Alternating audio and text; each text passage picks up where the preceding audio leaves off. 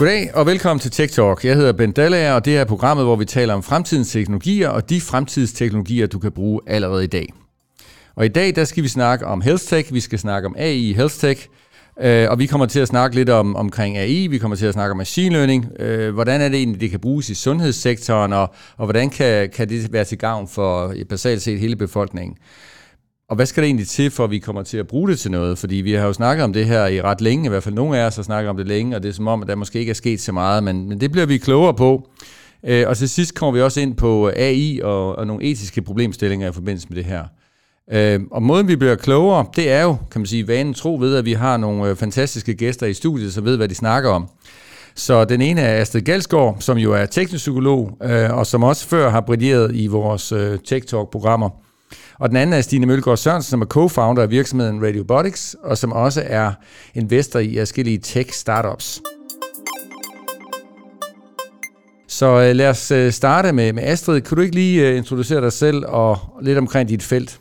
Jo, jeg er psykolog og phd forsker ved Radiologisk AI Center, som er en sammenslutning af fagpersoner fra Region Hovedstaden som undersøger, hvordan vi udvikler og implementerer kunstig intelligens, altså AI, mm. inden for sundhedsvæsenet. Og øh, min for, i min forskning, der trækker jeg på øh, min viden om menneskelig psykologi, udviklingspsykologi, social organisationspsykologi, og kombinerer det med viden fra teknologiens verden. Og helt specifikt, der undersøger jeg, hvordan fagpersoners oplevelse af at have agens udvikles, forandres, udvikles øh, i mødet med AI. Øhm, og jeg kigger nærmere på fagpersonens oplevelse af, øh, hvad ekspertise med AI er for en ja. størrelse. Øhm, og dertil deres oplevelse af at være ansvarlig for beslutningen truffet under opgaveløsningen. Øhm, og så er jeg også nysgerrig på, hvordan ledelsen, den ansvarlige ledelse, håndterer de her fænomener i implementeringen af kunstig intelligens. Mm. Ja, så det handler en del om, hvordan man egentlig Hvordan sker der, hvad sker der det øjeblik, at du som fagperson har rådighed over et stykke AI, som, som kan hjælpe dig? Øh, hvad foregår der så? Det er ligesom det, du ja, graver ind præcis. i. Både ledelsesmæssigt og for den enkelte person. Ja, i ja. høj grad. Og ja. så beder du lidt om konklusioner. Jeg er halvvejs i min, ja. Øh, i min forskning nu, og kun lige gået i gang med min analyse af data. Og som forsker, så bliver man jo en lille smule påpasselig med ja. at udtale sig, når man ikke har alle sine data endelig konkluderet øh, og analyseret. Men øh, det er kvalitativ forskning, jeg foretager, så det er interviews og det er observationer, jeg sidder og analyserer mm. for nuværende.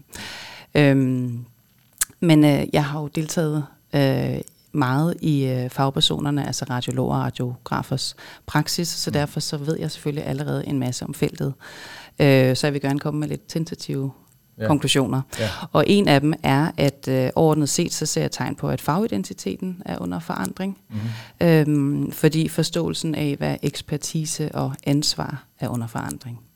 Ja, og det er en ret vigtig, øh, en ret vigtig ting, som, jeg, som vi kommer tilbage til øh, lidt senere her i, i programmet. Um, og, og Stine, altså jeg nævnte jo før, at du er co-founder af Radiobotics og en, en tech-up, tech-startup investor. Men måske du lige kunne fortælle øh, lidt mere om dig selv, og, og også måske lidt om virksomheden og hvad du har bedrevet. Yes, Jamen, tak for invitationen med. Jamen, øhm, jeg har jo som sagt været med til at stifte Radiobotics, som er en startup, der udvikler AI-teknologi til radiologiske afdelinger, og vi samarbejder jo faktisk øh, med Astrid, så, øh, så på den måde så har vi jo kendskab til, til hinandens øh, virke. Udover øh, Radiobotics, som jeg jo ikke er så aktiv i i dag, men, men når man har stiftet noget, så kan man ikke give det sådan fra sig, så på den måde så er det der altid. Øh, så har jeg kastet mig ud i at, at lave investeringer i det danske startup-miljø, og selvfølgelig øh, jo øh, sundhedsteknologiske investeringer kan jeg særdeles godt lide, øh, netop fordi jeg jo synes, det løser et presserende og et utroligt relevant problem, som jeg jo også synes, at mange andre aktører i sundhedsvæsenet selv skal stå bag. Øh, så ja, så jeg kigger på, på en del startups. Jeg sidder også i en, i en række bestyrelser øh, af tech-startups, både dem, jeg har investeret i, men nogle også nogle, jeg har valgt ind i. Så sidder jeg også i Rigshospitalets Innovationsråd og kigger også lidt på, hvordan vi på sådan et større perspektiv jo også kan gøre innovation, ikke både det at bygge det selv, men jo også kigge ind i hele øh, samfundsaspektet af det. Ja, og, øh, og, og nu, nu, nu tager vi sådan lidt for givet, at selvfølgelig er det her noget, der kan bruges, og øh, vi har en hel virksomhed, som, øh, som er funderet på, at det kan anvendes, og vi har også en, en øh, teknopsykolog, som kigger på, okay, hvordan bruger man det alt det her. Men kunne du ikke lige måske øh, forklare lidt omkring, hvorfor er det overhovedet? Altså, hvad er det, vi snakker om? Hvad, hvad er det for noget, som, som man kan? Ja, altså der, er, der er jo mange niveauer, hvis man kigger på, på sundhedsteknologi, så der er jo både det, der kan hjælpe patienter direkte, som i applikationer, og der kan styre dit, dit, dit sundhedsforløb, kan man sige. Så er der jo det, der kan administrere ind på hospitalet, som heller ikke gør så, hvad skal man sige, det er jo med til at optimere. Mm. Og så har vi det, det sidste niveau, som er det, der, der går ind på sådan den mere lægefaglige plan, ja. og den det mere diagnostiserende del. Så vi har jo mange niveauer, når vi taler om det. Det, som Radiobotics forsøger at løse problemer, det er jo i det øverste lag, er, som er den mere diagnostiserende del, ja. og som jo muligvis er det allersværeste at forsøge at få teknologi til at gøre, fordi vi jo skal øh, hvad skal man sige, spejle i det, som en, en læge skal gøre, og det er jo ikke hvad skal man sige, trivielt at blive læge, og derfor er det heller ikke trivielt at lave teknologi, der løser i, i det arbejde, en læge forsøger at udføre. Nej, præcis, og det er jo det lag, som, som vi også har i programmet er særdeles interesseret i, netop det her, kan man sige, kunstig intelligens lag, ja. hvor man altså begynder at kunne gøre de samme ting, øh, som, som fagpersoner kan lave, altså højt uddannede fagpersoner kan præcis. lave. Og det er svært. Men hvordan, øh, hvordan øh, kan du sige lidt mere om, hvordan det så overhovedet kan lade sig gøre? Jamen altså, så det, det, kan, det kan jo godt lade sig gøre. Til at starte med skal du bruge en forfærdelig masse data, og det har historisk set jo været utrolig svært at få fat i, især i Danmark. Så øhm, der kan man jo så kigge andre steder i verden for at, at hente noget data, for at træne den her algoritme. Altså, i, vi stiftede jo Radiobotics i 2017, mm. og da vi lavede en ansøgning til, øh, til hvad hedder det, Datastyrelsen, var jo sådan, et, sådan en har vi aldrig set før. Øh, og for ligesom at behandle mere end 2.000 stykker patientdata. Og, og, og, og bare lige for, for lytterne også, den virksomhed, hvad, hvad var det din idé? Hvad var det, altså det, kunne? som Radiobotics forsøger at gøre, det er, at vi har udviklet nogle algoritmer, der kan kigge på det, der hedder det muskelskeletale område, det vil sige skelettet. Mm. Så vi kigger på, øh, hvad skal man sige, sygdomme, der kan være i skelettet som slidgigt, og øh, vi har også en algoritme, der kan detektere frakturer i øh, 18 anatomier på kroppen. Okay. Så, så det, er, det er brud, og det er øh, smerte, vi kan, vi kan prøve Så det kunne i princippet være nogen, der, der kom til skade på en skiferie? Det, det vil det i høj grad være. Ja. Fordi dem, hvad skal man sige, det problem, vi forsøger at løse, har vi jo også kigget på, hvor er volumen ja. af de mængder af billeder, der bliver taget, så vi ligesom kan netop løse et relevant problem. Øh, det er også der, hvor man kigger på, hvor der bliver begået øh, størst, hvor maven af fejl er størst, mm. fordi dem, der er, kommer på skadestuen, ikke altid bliver tilset af en, en højt specialiseret læge mm. i første omgang. Ja. Så, så der er også brug for teknologi, der kan understøtte øh, nogle fagpersoner i, øh, i for eksempel en skadestue, på en ja. skadestue.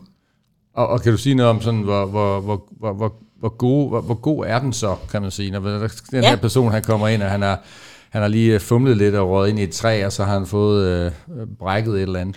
Ja, altså øh, som Astrid jo siger, så skal man jo passe på med at drage konklusioner, før den tingene er publiceret.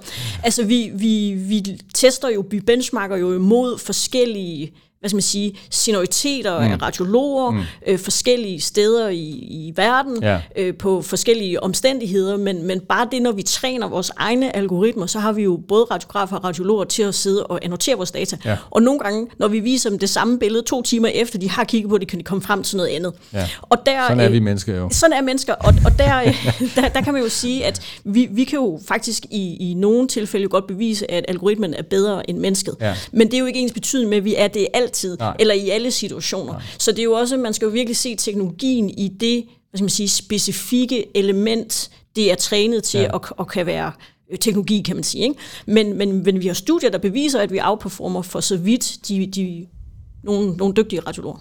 Og så måske Astrid, fordi øh, noget, som jeg, som som jeg også tænker ret ofte, når vi er i de her debatter, det er jo, at det bliver nærmest sådan en eller anden form for, øh, for øh, dog race, altså hvor det så handler om, jamen, er AI bedre end mennesket? Er mennesket bedre end AI? Men i virkeligheden, så er det jo ikke, så er det jo ikke sådan, at det, det er jo ikke det, der er det vigtige her. Det, det vigtige, det er jo, at man får skabt noget, som kan være meget, meget stærkt hjælpemiddel, og som måske også kan, kan løfte hele bundniveauet øh, i virkeligheden. Det er i hvert fald nogle af de, de betragtninger, man kan gøre. Så, men hvad sker der? Altså det øjeblik, at man så at man så siger til den her radiolog, nu skal du bare se, uh, vi har det her glimrende værktøj fra Radiobotics, uh, you know, uh, you know, bare uh, do your thing. Altså, hvordan uh, modtages det så? Og jeg tænker egentlig, at din, i din præmis har du fat i noget korrekt, at, uh, eller noget interessant. Det er ikke vigtigt, det her. Nej, det er det i hvert fald ikke sådan for samfundet, eller økonomien, eller logikken, men til synligheden er det det for ja. mennesket, ja. individet, er det vigtigt, om man føler sig som en ekspert, eller man holder fast i sin fagidentitet. Ja. og sit job. Altså den øh, ypperste ekspert. Oplevelsen af at være Ja. ja. eksperten. Ja. Efter mange års studier, mange års erfaring, og Ja. ja. blive positioneret som eksperten på arbejdspladsen. Så, så vi er op imod, at for individet er det åbenbart vigtigt. Mm. Og det er en anden præmis, vi er nødt til at tage med. Også selvom det ikke giver mening, mening økonomisk eller tidsmæssigt. Fordi Ja. ja. der kan AI jo, øh, som får masser af studier viser, outperforme øh, fagpersonen, og endda det, man kalder golden standard, ikke? altså virkelig senior fagpersoner. Ja. Øhm, så, så hvad er i spil? Og det er jo, det er jo netop det, som jeg undersøgte, det Ja. jeg er nysgerrig på. Hvordan oplever fagpersonen, højt specialiseret person, at skulle bruge en teknologi, som formentlig outperformer, eller i hvert fald er lige så dygtig som personen selv. Ja. Øhm, noget, der i hvert fald er afgørende, som, som jeg har erfaret indtil videre, det er altså det her oplevelsen af at føle sig hjulpet. Mm. Og hvordan måler man det? Måler man det på, at man bliver hurtigere eller bedre? Eller det er egentlig lidt underordnet. Altså Ja. oplevelsen af at blive hjulpet øh, er faktisk ret afgørende for, om man tager teknologien til sig eller ej. Det er min nuværende erfaring. Ja. Øhm, og, og- det er simpelthen, og, og, det er jo et samsurium af, jamen, øh, er den sådan øh, nem at bruge? Mm. Altså, øh, forsinker den mig? Ja. Øhm, er den intuitiv og så videre. Der er en masse sådan praktiske ting i forhold til anvendelighed, øh, men jo selvfølgelig også opleve, altså øh, identitetsfølelsen, altså er det her en, der styrker mig i min position som ekspert, eller, eller overtager den min rolle. Ikke? Og der har ledelsen en rigtig væsentlig rolle i forhold til at få, om ikke andet i hvert fald diskuteret eller synliggjort, at der er et tema her i forhold til, jamen, hvem er det, der i sidste ende har ansvaret, mm. altså bliver stillet til ansvar, Ja. AI og eller fagperson, Ja. og hvis ekspertise vægter. Ja. Ja. Altså, hvem er det at the end of the day, der ligesom, øh, hvis beslutningen vi følger, AI eller fagpersonens? Ja, præcis. Og, og apropos det der, vi snakker om, hvad, hvad, hvad er vigtigt. Altså, de, de skal også være klar på, jamen det her, det handler ikke om, at det kan godt være, at den er bedre inden for det her felt her, men det er jo ikke det, der er vigtigt for dig. Det er ikke noget med, at nu er du pludselig ude. Men du havde lige en kommentar. Ja, men det var mere fordi, at det, det regulatoriske værk har jo sådan set svaret, fordi at man er jo kun certificeret til at være beslutningsunderstøttende. Man må jo ikke være diagnostiserende, fordi det findes der jo ikke.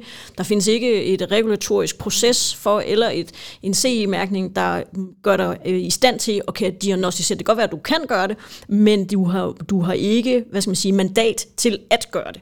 Så, øh, så det, det er jo allerede klassificeret som beslutningsunderstøttende, så det skal jo netop være med til at tage bedre beslutninger. Øh, Jeg er med på, hvordan man så opfatter de der forskellige ting, men, men det er jo faktisk også kun det stadie, vi er på.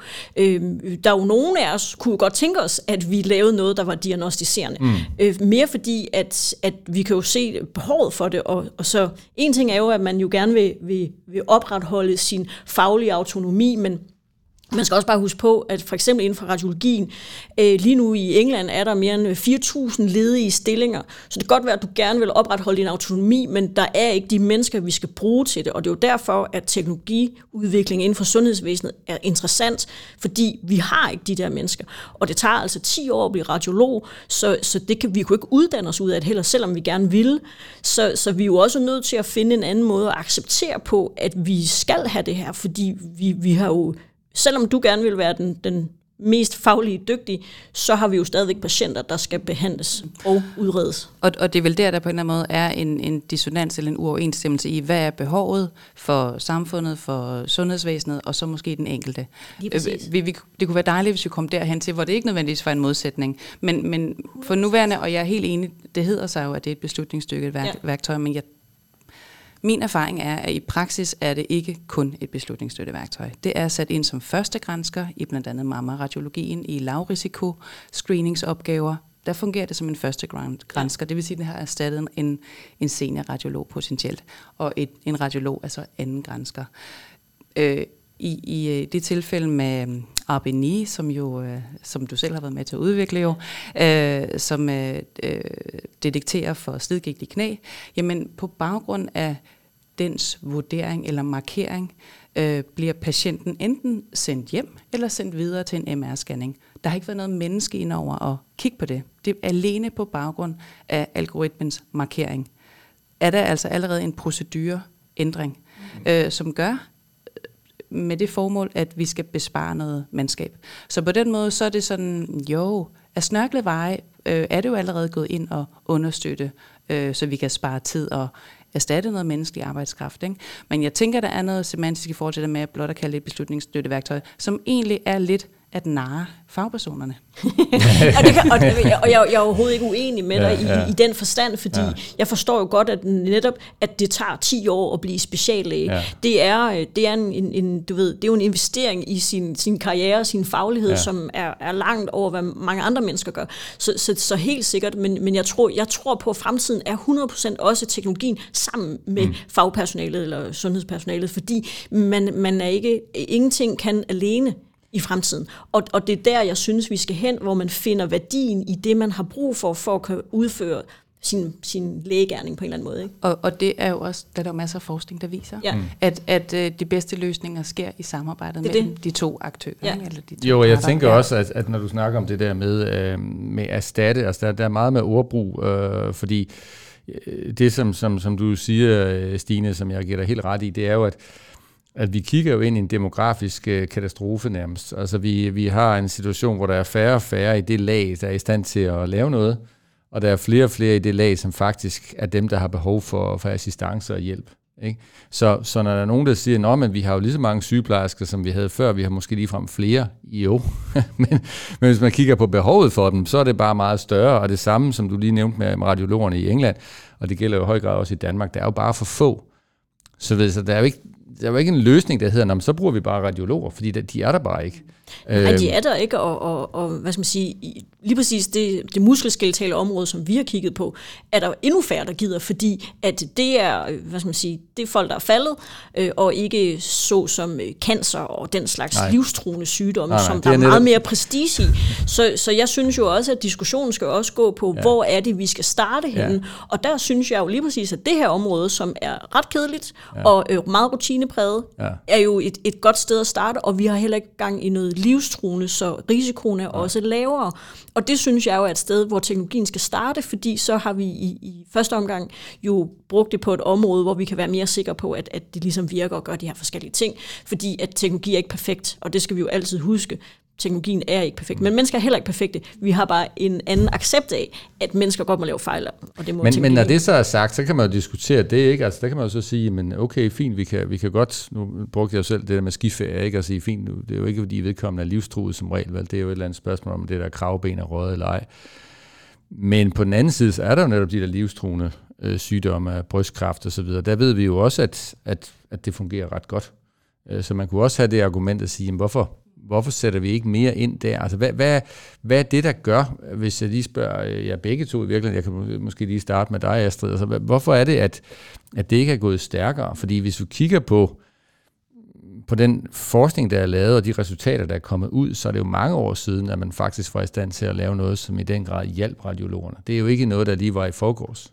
Og det har man kun i mange år. Så hvorfor, Hvorfor er det egentlig ikke sket mere? Hvad siger du, Astrid, ja, til det? Og man kunne næsten kalde det, det lidt uetisk. Når vi nu har teknologien, der faktisk kan både øh, give os ekstra hænder og måske endda løse opgaverne mindst lige så godt som ja. de højt specialiserede fagpersoner, er det så etisk ikke at tage det i brug? Ja, det er en øh, rigtig, rigtig god formulering. og, øh, og, om, og omvendt så er der jo også øh, en, en anden etik, et andet ja. paradigme, som, som siger, at vi skal også passe på individet og øh, den enkeltes øh, fagpersons øh, ancienitet. Ja. Og der er en grund til, at de har så lang uddannelse, ja. og at procedurerne er så rigide. Altså ja. det er jo fordi, det kan have fatale konsekvenser, hvis man ja. ændrer procedurerne for læger, ja. operationer osv. Øh, så, så jeg tænker også med god grund, at man påpasselig, men det er en svær balance.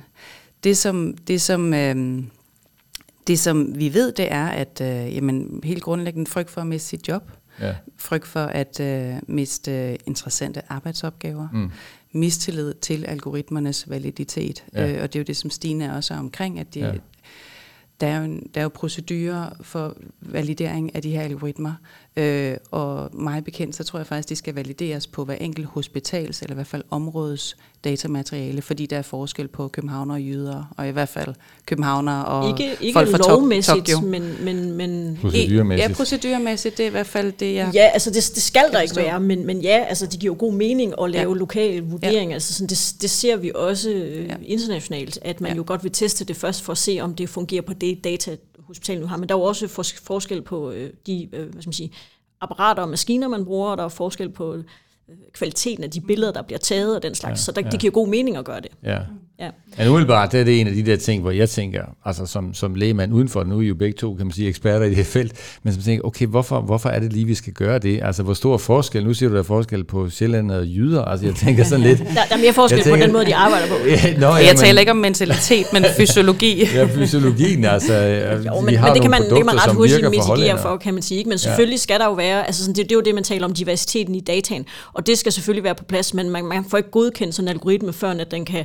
Det, du tager jo ligesom benchmark op imod 1000 test, og så ser du ligesom, om du passer the threshold, og så, så det skal du ligesom gøre. Ja. Men, men for at svare på de spørgsmål om, hvorfor det ikke går stærkere, altså det gør det jo, hvad skal man sige, der er et momentum lige nu i, at det er jo først inden for de seneste to år, vi har set den stigende mangel på arbejdskraft. Ja. Altså, så, så, altså under covid, der, der var det jo, at vi skal have 1000 flere sygeplejersker. Mm. Så, så vi har altid blevet ved med at sige, at vi skal have flere mennesker. Ja. Og det er stoppet fordi vi kan, de kunne ikke engang finde de der tusind sygeplejersker. Nej, så nu har vi både et politisk og, og fra hele embedsværket en anerkendelse af, at menneskerne er der ikke, så det næste, vi må finde op, hive op af skuffen, er teknologien. Så det har været med til at gøre det selvfølgelig en, lidt, lidt hurtigere. Det andet er jo også, at vi jo, hvad skal man sige, vi har lavet Radio Body i mange år, ja. men, men når man så kommer med det her, så ved man jo ikke helt, hvad det er, og så prøver de det, og så tænker okay, det er helt sindssygt der. Ja den forståelse er også først lige sket, da vi har fået sådan nogle teknologier som øh, ChatGPT, fordi ja. folk har så ligesom nu set og prøvet det med egne fingre ja. og taste et prompt ind, og så ligesom se, hvad sker der så. Ja. Og det har gjort noget, noget voldsomt til forståelsen af, hvad det er, teknologien kan gøre for os. Så de to ting til sammen gør jo, at vi nu ser en, en ret stor interesse og en ret stor adoptionsrate end tidligere. Det vi dog mangler, det er jo IT-systemer i sundhedsvæsenet, der kan håndtere AI-teknologi, og det findes ikke. Og det er den aller, aller største barriere. Mm. Vi har jo fem regioner med fem forskellige IT-systemer, så det er det samme som at gå til et nyt marked for en virksomhed som mig, som at gå til en ny region. Yeah. Så jeg har ingen interesse i at skalere i Danmark. Nej, nej, det er ligesom være fem forskellige lande. Om du skal til Region Midtjylland, eller ja. om du skal til Tyskland. Det, det burde være det samme, det integrationsmæssigt. Ja. Ja, det er så, så jeg har ikke nogen interesse. Jeg, jeg ja. så for så vidt også lidt holdt op med at integrere mere i Danmark.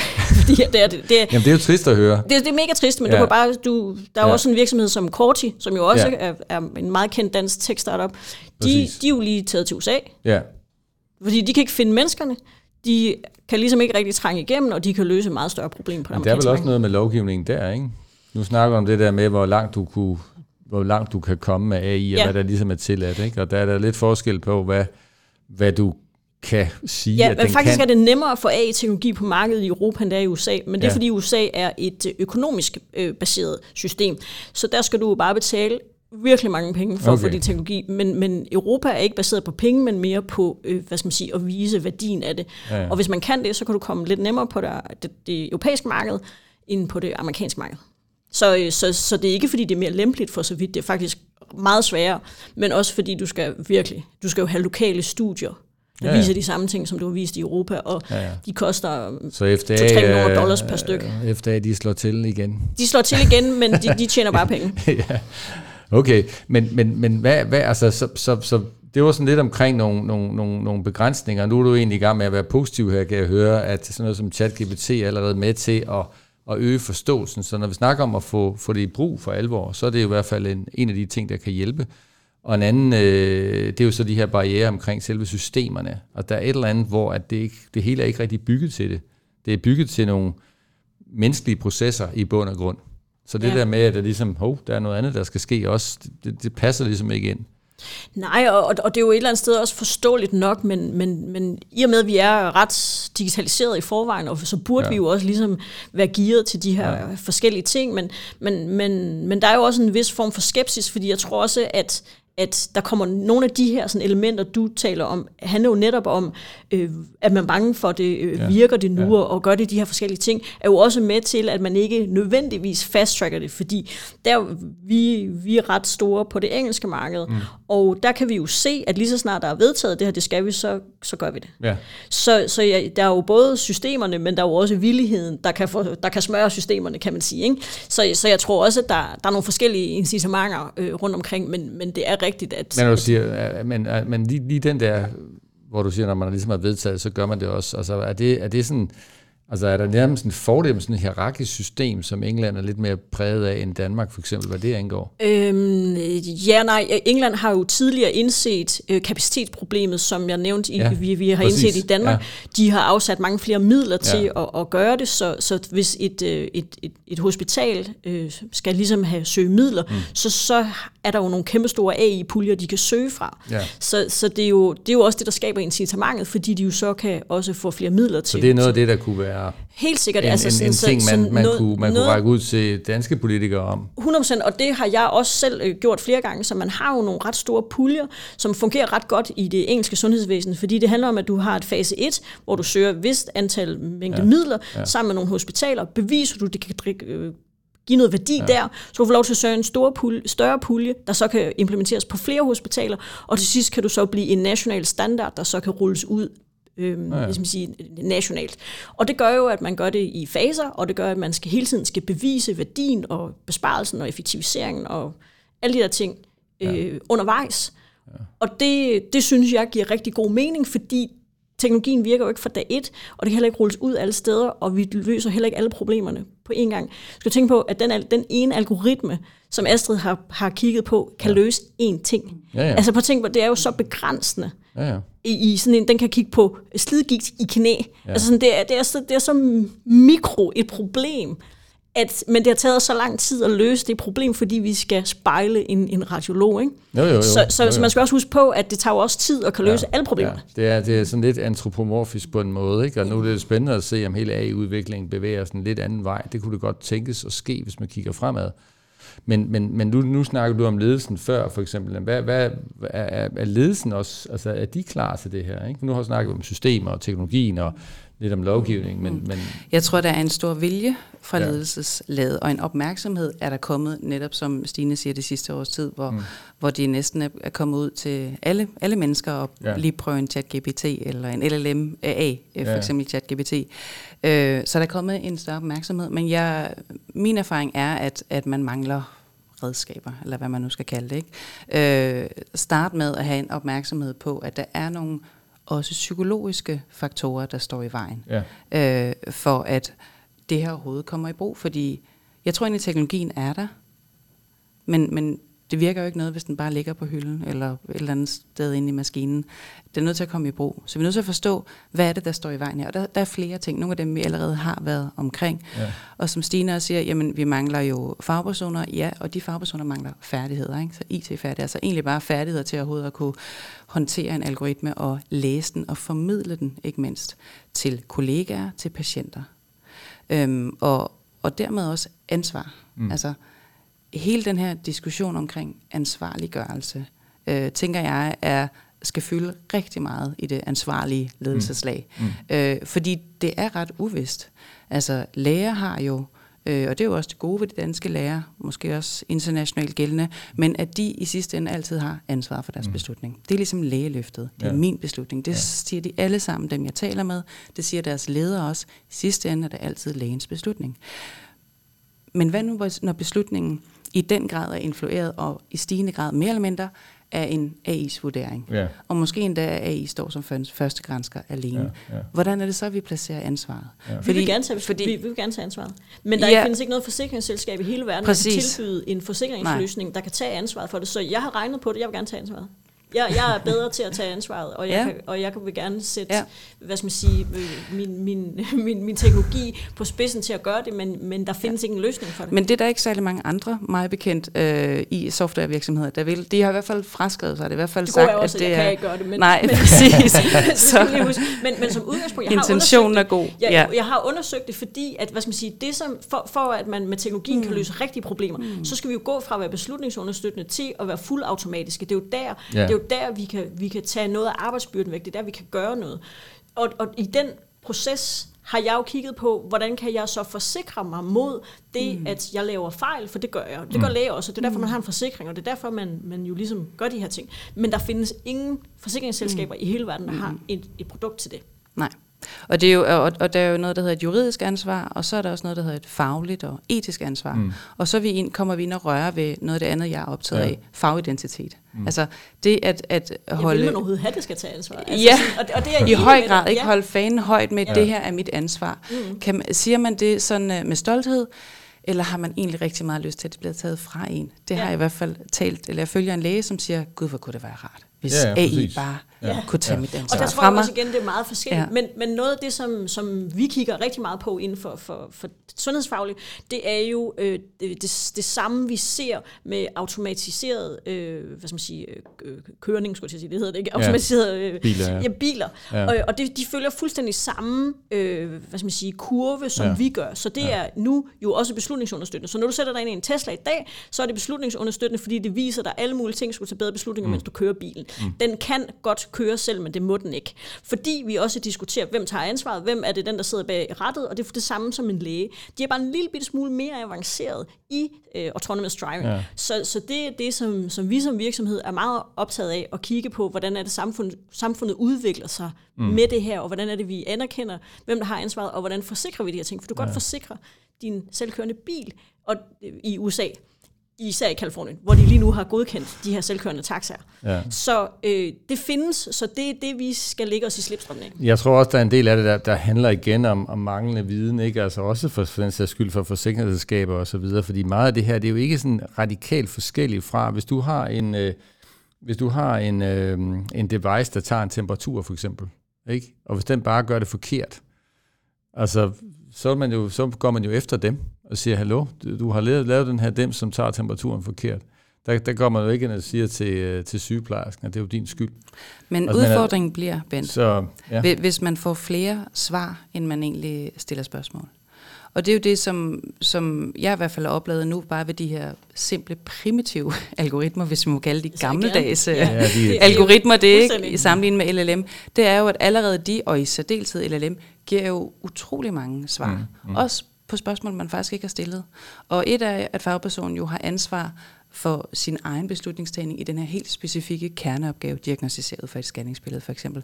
Noget andet er, at de også pludselig faktisk får adgang til informationer, som de ikke har bedt om, som ligger uden for deres ansvarsområde, andre sygdomme, andre procedurer, et eller andet nyt, som, som ikke ligger på deres spor. Hvem har ansvaret for det? Mm-hmm. Ja. Det er, meget, det, er, det, er jo, det er jo, den er egentlig også ret interessant, ikke? fordi det er jo det, der sker der, det er, den, den kender jo ikke de kan man sige, fagdiscipliner, den opsplitning, vi har i sundhedssektoren, som vi også kunne lave et helt program om, tror jeg. men, men det kender den jo ikke til, så den begynder bare at sige, hov, det ser ud ja. om der er et eller andet her, det kunne faktisk være sådan og sådan. Mm. Okay, men jeg ved ikke noget om det. Altså agtigt, jeg kunne godt se den uh, som er problemstilling. Og jeg man, tænker, og man kunne se en konsekvens, det var, at man så iværksatte en masse nye undersøgelser, ja, ja. og så er vi lidt frem ved problemets kerne, ja, ja. at vi skulle netop øh, altså spare noget mandskabskraft, og ikke bare altså, iværksætte yderligere arbejde, ja, ja. Og, og dermed komme ja. til at mangle yderligere mandskab. det, og, det, og det er en typisk problemstilling, altså, som, som, øh, som jeg jo også nogle gange selv prædiker om. Hver eneste ja. gang vi laver ny teknologi, mm. yes, det løser det eksisterende problem, men det, det er også i stand til at løse en masse problemer, vi slet ikke vidste, vi havde. Det det. Og lige pludselig, så har du så brug for endnu flere folk. Så, men altså, men, men det er jo lad, der, lad, os lade den man, man jo skal være bange for teknologien, fordi det løser ikke alle problemerne. Nej. altså, det gør det ikke, kommer heller aldrig til. Nej, altså, men, men, men det kan i hvert fald ligesom tage sådan den, det, det næste niveau, og så får vi så problemer på næste ja, niveau igen. nye problemer. Uh, jeg tænker lige til sidst, vil jeg godt lige høre om, om øh, fordi nu har vi, øh, jeg, jeg, sagde i starten, at vi skulle snakke en lille smule om etik, og, og, og det kører derud af, kan jeg se, at vi har en god diskussion. Øh, du var lige inde på det lidt, øh, den anden vej rundt, øh, Astrid, faktisk ved at sige, jamen er der, ikke et, er der ikke en etisk fordring her? Altså bør vi ikke, når vi har et så, når, så stærke værktøjer, bør vi så ikke bruge dem til at, at hjælpe og redde mennesker, i stedet for at vi siger, nej, på en ordens skyld, så lader vi være med at redde dem, fordi det kunne være, at der var et eller andet, der var forkert. Altså, der er måske en, der kommer til skade, mens vi redder 50, men hvis der nu er en, der kommer til skade, så ryger vi direkte i avisen eller i medierne, så vi må hellere lade være med at godkende det her, og så bruge to år mere på at forske. Ikke? Altså, jeg tænker på, at, at, at, at noget af det, som, som øh, jeg bare lige vil have jeres feedback på, altså sådan en idé om at lave det her, som, som vi kalder AI-positiv lovgivning, altså det vil sige, at i stedet for at vi hele tiden øh, regulerer omkring, hvad man ikke må, og hvad man skal teste, og hvad man skal osv., osv., så man jo også skal. Altså ingen tvivl om det. Man skal sørge for, at testen er i orden, man skal sørge for, at det virker. Men at man så også begynder at sige, vi har faktisk nogle, nogle mål her. Vi ønsker, at øh, eksempelvis, at i 2025, jamen der vil jeg kunne få der vil jeg kunne få et bidrag fra en AI, når jeg kommer ind for at skulle finde ud af, om min skulder er brækket, eller hvad det nu måtte være. Altså vi simpelthen laver noget lovgivning, ligesom med digital fakturering til, øh, til, øh, til det offentlige. Det medførte jo lige pludselig, at nu fik vi en enorm digitalisering. Og jeg tænker, hvad, hvad, vil, jeg, hvad vil I sige til det, hvis man foreslog sådan noget som det, og sagde, okay, vi 2025, der skal vi kunne, der skal vi kunne lave sådan en, en, øh, et, en, en, øh, en, en evne til at, at hjælpe folk, som er kommet til skade med deres øh, skelet hvis jeg nu skal bruge det som udtryk. ja, det er jo et godt udtryk. Ja. Hvad hedder det? Altså, øhm, i, jo, det, det kunne vi godt. Men, men jeg tror igen, som, som indledningsvis, så jeg ligesom sagde, så er der jo flere niveauer inden for sundhedsteknologi. Ja, ja. Så der er jo det, som der, der er direkte til, til patienten, og ja. som jo er en, en måde at håndtere sin sygdom på, og ja. information, og øh, kontakt til sundhedsvæsenet, og kommunikation, og, og måder at organisere sig på, så er der det diagnostiserende. Ja. Jeg tænker, vi kan starte nedefra, mm. med ligesom at udskrive et dekret om, at det skal ligesom digitaliseres og automatiseres, så der skal ske nogle forskellige ting. Fordi at igen, som jeg også sagde, at det er jo isolerede områder, vi kan løse problemer på inden med AI-teknologi, så vi kan jo heller ikke løse det hele. Men, men selvfølgelig, det, det, det driver jo en, en, en implementering og, og, en, og en måde at adaptere teknologien på. Så jeg synes bestemt, at vi skal finde nogle områder, det er også noget af det, som jeg har specifikt udtalt til digitaliseringsministeren, ja. har jo netop været, find nogle områder, vi satser på, så vi kan blive rigtig dygtige til det, så det kan skabe præcedens for, hvordan vi kan gøre andre ting. Ja. Og det synes jeg helt sikkert, at det mangler jeg inde på sundhedsområdet, at vi har valgt nogle forskellige områder, vi kommer til at prioritere. Så, så helt, jeg tror helt sikkert, det er den vej, vi skal gå, men man skal også ligesom være bevidst om, hvor i risikolaget øh, placerer vi os henne for at udskrive sådan et dekret, som du siger. Ikke? Ja, ja jeg, jeg, jeg, jeg bygger bare på, at den interessante analyse, som faktisk blev lavet af BlackRock, som var inde og undersøge, hvad driver digital transformation. Det gør lovgivning. Øh, og, øh, og højeste punkt der, det var lovgivning med ja. over 73 procent, så det var altså ikke teknologien, det var ikke kunderne, det var det ikke konkurrencen. Det var ikke bevise værdien af det, eller, nej, eller, det var ikke engang business casen. Nej, nej. Det var simpelthen, der er nogen, der er kommet vi og sagt, skal. I skal kunne ja. Redegøre for det. Ja. Nå for bokker. Jamen, så må vi hellere komme i gang. 100 procent. Jamen, det tror jeg. Øh, ja. Undskyld, Astrid, du vil sige noget. Ja. Nej, jamen, jamen øh, fint for mig umiddelbart ja. i forhold til at lave sådan et dekret. Jeg tænker, øh, så kommer find, nogle af de fænomener, som jeg er optaget af i min forskning, i hvert fald i spil, netop øh, at betragte AI som en form for ekspert i sig mm. selv, eller AI's ekspertise over for menneskelig ekspertise. Ja. Hvordan kan vi kombinere de to? Få dem til at arbejde med hinanden, i stedet for sådan mod hinanden. Eller i hvert fald, hvis AI skal stå alene, så er det i hvert fald en ekspert i sig selv. Ja. Og hvordan øh, stiller vi den til ansvar for dens beslutninger? Ja, jeg tænker også bare, så har man ligesom accepteret det. Ja. Det er som om, at reel ja. lovgivning lige nu, ja. den går nærmest på, hvordan kan man, ja. jeg vil ikke sige det direkte, hvordan kan vi undgå den, men, men det er jo tæt på. Det er ja. hele tiden sådan, ja det må den ikke, det må den ikke, det der, det skal der være testet osv., osv. hvilket ja. også er rigtigt nok, men der burde også være den anden del af festen, som var, vi mener faktisk, at det og det skal vi kunne, ja. så lad os nu komme i gang. For patientsikkerheden, så er det jo godt, at der er nogle ting, vi skal leve op til, ja. og det er jo også derfor, vi har nogle, altså vi er jo gået fra at have et direktiv til et regulativ, og det er jo, det er jo rigtig godt, fordi ja. at det gør jo, at vi jo så skal, jo lovgivningsmæssigt skal leve op til nogle krav, ja. og vi skal bevise, øh, at der er performance øh, for de her teknologier, vi, vi implementerer i sundhedsvæsenet. Og det, det synes jeg jo er vigtigt. Men, men jeg kan jo også godt se, at læger og fag, sundhedspersonale jo ikke nødvendigvis er, er bekendt med, at der findes et regulativ, mm. som vi skal leve op til. Altså sådan, så jeg har jo set et udbud, nu skal jeg skal nok nævne, hvor det er hen, hvor man har bedt om, at det skulle være FDA-godkendt. Og, okay. det, og det er jo amerikansk lovgivning, og ingen, ingen har jo nogensinde sagt, Nej. at noget skal leve op til et andet lands Nej, lovgivning. så så det, der, det, det betyder også, at, at vi har jo også igen, tilbage til det, som du nævner med, at der skal også uddannelse, der skal også nogle forskellige ting, men, men det er jo vigtigt, at vi også har noget personale, der forstår, hvad det er for nogle regler, vi faktisk forsøger at leve op til, og vi lever faktisk op til nogle virkelig høje standarder. Ja, ja. Så, så der, er jo, der er jo muligheder i det her. Øhm. Hvor, hvor er på muligheder, bare afslutningsvis her, kan man sige, hvor, hvor tror I, vi er måske om fem år eller sådan noget. Altså, vil, vil vi se meget mere assistance til diagnoser, måske ligefrem diagnostisering af finde sted om fem år her i, i højere grad i Danmark? Altså, hvad, hvad, hvad, altså jeg ved, at Gentofte for eksempel har lavet noget nu, og, øh, fordi der simpelthen er så stor mangel. Altså kommer, kommer den der mangel ting til at, at flytte noget de næste fem år, eller hvad, hvad ja, tænker I? Ja, det tænker jeg i høj grad. Jeg tænker, at vi er allerede gået i gang, og netop ja. med med mediernes fokus på, øh, altså de seneste års tids fokus øh, på, på LLM og, ja. og, og de gode ting med AI, ja. så hører jeg egentlig både privat sådan ja. en tillid blandt befolkningen om, at AI skal nok løse problemerne. Okay, måske, så, så måske du mærker, du mærker også, lidt skifte måske? Ja, også Okay. måske lige lovlig naiv, om det er klima, eller sociale, ja, Ja, eller fødevareproblemer, Ja. eller sundhed. Øhm, og det er jo for så vidt godt nok. Ja. Øh, men, men jeg tænker også, at den fornuften også skal følge med. Ja, ja, det, hvad siger du om Det er, jeg, jeg er jo enig, altså som, som sagt, så, så følger jeg jo meget i den fremskrivning, der findes inden for selvkørende biler. Og, Ja. og det er 100% den, vi følger, vi er bare lidt bagud. Ja. Og den, den bliver fremskrevet ret hurtigt nu i USA i hvert fald. Og der ser vi, at der sker nogle samfundsmæssige ting. Fordi lige nu, så kan vi jo kun være beslutningsunderstøttende. Vi kan ikke være diagnostiserende, det findes ikke. Mm. Så på den måde, så er samfundet ikke klar til det. Og øh, for at det skal ske, så skal vi jo have nogle, nogle, nogle der skal ske nogle ændringer i embedsværket, for det, det bliver en realitet. Men, men jeg ser takterne til det, og jeg ser andre brancher gøre noget lignende, som jeg læner mig op af, og som jeg tror på også kan drive forandring inden for sundhedsvæsenet. Okay. Jamen, øh, så er der i hvert fald positive toner, men vi kan jo så regne med, at det hele igen tager noget tid, apropos selvkørende biler. Øh, yes. Øh, jamen, jeg vil gerne sige tak. Det har været, det har været godt. Øh, tak for et godt bidrag. Nå, men hov, vi er jo selvfølgelig ikke helt færdige, fordi som sædvanligt, så skal I jo ikke snydes for øh, den her øh, skæve anbefaling, og øh, traditionen tro, så lægger jeg lige ud, øh, og jeg har sådan to lidt forskellige. Den ene er ekstremt hurtig, den anden tager lidt længere tid. Men det ene er at se Corti, og det blev lige nævnt før også af, af, af Stine undervejs, det her med Corti, som er i stand til at ret hurtigt finde ud af, om der er en, der har et hjerteanfald. Og de har lavet en udmærket øh, demo, øh, sådan en øh, Corti Cardiac Arrest demo, man kan se på nogle få minutter. Den fortæller lidt omkring, hvordan det kan ske. Den kan jeg anbefale. En anden ting, jeg kan anbefale, det er Yuval Harari, som øh, nogen måske har læst, øh, Homo Sapiens. Han har også lavet en bog, der hedder Homo Deus, som lidt færre har læst.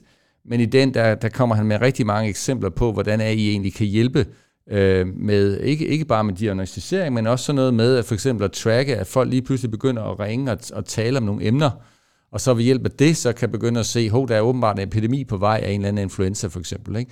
Der, der er ret mange muligheder, øh, som, som han bringer på banen. Jeg synes, den er værd at, at læse. Han er så lidt dystopisk, men øh, det må man tage med. ja, hvad siger, hvad siger du, øh, Stine? Hvad kunne være Jamen altså, jeg er, jo, jeg er jo praktiker sådan helt ind til benet, og det er min store øh, hvad skal man sige, øh, passion og drøm er jo, at folk jo virkelig sådan grundlæggende forstår, hvad det er, teknologien kan. Fordi når du, når du kan røre ved det, og du kan se det, så kan du også meget bedre fornemme, hvor vi er. Ja. Og, og nogen tror jo, at lige om lidt, så overtager en, en eller anden AI-algoritme verden, og det kommer aldrig nogensinde til, fordi at der er jo ikke nogen, der overtager verden for så vidt, og det kan teknologien heller ikke gøre. Så mit eksempler er øh, øh, de to ting. Den ene hedder Teachable Machine with Google, og mm. der kan du lære, der kan du tage nogle billeder, og så kan du se, hvordan du lærer en algoritme at genkende dine egne bamser eller et eller andet. Og det er så elementært, øh, hvad skal man sige, teknologi, men du ser, hvordan du lærer en maskine noget, og du vil også erfare, at selv Googles maskiner er rigtig dårlige. Og det synes jeg, vi har behov for lige at anerkende ja. og lige mærke på os selv, at der skal faktisk meget til, før den faktisk kan genkende nogle bamser. Ja, Ja, ja. Det andet er Quick Draw with Google, som er sådan et doodle-værktøj, hvor man skal tegne nogle forskellige ting, og så skal algoritmen gætte, hvad Ja. det er, du tegner. Ja. Og den er faktisk også rigtig dårlig til at tegne, fordi, eller til at gætte, hvad du tegner, fordi vi er været 7-8 milliarder mennesker, og vi tegner på øh, lige så mange forskellige måder. Og der kan du så også godt se, hvordan det, hvor meget det faktisk kræver, før den kan gætte, at du har Ja. tegnet en pizza slice. Ja. Så, så for mig handler det om, at vi forstår, hvor vi er henne, mm. men, men der er rigtig mange mennesker, der jo bare siger de her ord, mm. men har du nogensinde rørt ved teknologien, og det synes jeg, man skal gøre sig selv en tjeneste at gøre. Ja, men det er en god anbefaling, det her. Yes. Astrid. Ja, jamen, og jeg er jo psykolog og øhm, kvalitativ forsker, mm. og øh, vil gerne slå et slag for den øh, fysiske analog verden, så ja. jeg har taget en bog med, Ja. en god gammeldags bog, af den øh, polske psykolog og forfatter Olga Tokarczuk. Øh, den udkom på dansk i 2022, så det er et herligt, let læseligt sprog. Hun fik Nobels øh, prisen i litteratur øh, i 2019 øh, for 2018, hvor hun skrev den her bog, så det er altså primært møntet på den her bog. Øh, Bizarre fortællinger hedder den, og det er en novellesamling, som ofte har sådan en transcendental, AI-krydret dimension øh, på ellers uhyre normale menneskers liv. Okay. Øh, og det gør den både æggende og morsom og bizarre. Så der, var, der er sådan lidt Black Mirror over det. Kan, Vi er tilbage ved dystopien, du snakkede om. Det kan man sige. Ja. Ja. Kan, kan Jeg prøvede fornemme. ligesom sådan at fordre sådan Ja. et, lad os prøve at forstå det, Ja. og, så vi kan gøre noget ved det sammen. Ja, og selvfølgelig, og selvfølgelig der, som, som du siger det der, øh, kan man sige, Stine, sådan øh, ret oplagt er det jo også, hvis der skulle være nogle lyttere derude, øh, det ved man jo ikke, som ikke har prøvet ChatGPT, så... øh, Jamen helt sikkert, det skal man også prøve. Men det her, det er mere, altså ChatGPT, der får du også igen, øh, der får du... Øh, Der får du afklaret. Her der, her der går du, det er ligesom at forestille dig, at du skal træne. ChatGPT, og det er det, jeg godt vil have nogen ja. for øjnene op for, at det er sindssygt svært. Præcis, så de får lidt mere sådan øh, følelser Så, så det sker ikke bare lige i morgen, at den kan alle mulige mærkelige ting. Lige præcis. Altså, øh, nu er de nyeste opdateringer, men, Ja. men til at starte med, der vidste kendte ChatGPT jo heller ikke sig selv, fordi den havde kun trænet på data indtil 2021. Så det, altså, så, så det skal man også bare huske på, at den er jo så begrænset i, hvad den har, er blevet fodret med, kan man Ja, ja, sige. Ikke? Så den kender jo ikke engang sig selv, Nej. og så derfor så er det for mig ikke noget vildt og voldsomt, fordi når den ikke engang kan lære sig selv mere Og end... du hvad- tænker på verdensherredømme. Ja, det er det, så der er Der er bare et rigtig, stykke, der er er rigtig langt til verdensherredømme, når den ikke engang ved, hvem sig Hvem selv er. Ja. Men det er måske netop fremtidens øh, læge eller fagperson, det er prompter. Ja, det Jamen, tror jeg, jeg også. tror bestemt, vi kommer den vej. Det er jeg helt enig i. Det tror jeg også. Godt, men mange tak for det. Selv tak. Selv tak. Og så når vi heller ikke mere den episode af Tech Talk. Husk, du stadig kan finde alle episoder af programmet på Spotify, Apple eller hvor du nu lytter til podcast. Jeg hedder Ben Dallager. Tak fordi I lyttede med til Tech Talk. Og husk, vi er alle interesserede i fremtiden, for det er her, vi skal tilbringe resten af vores liv.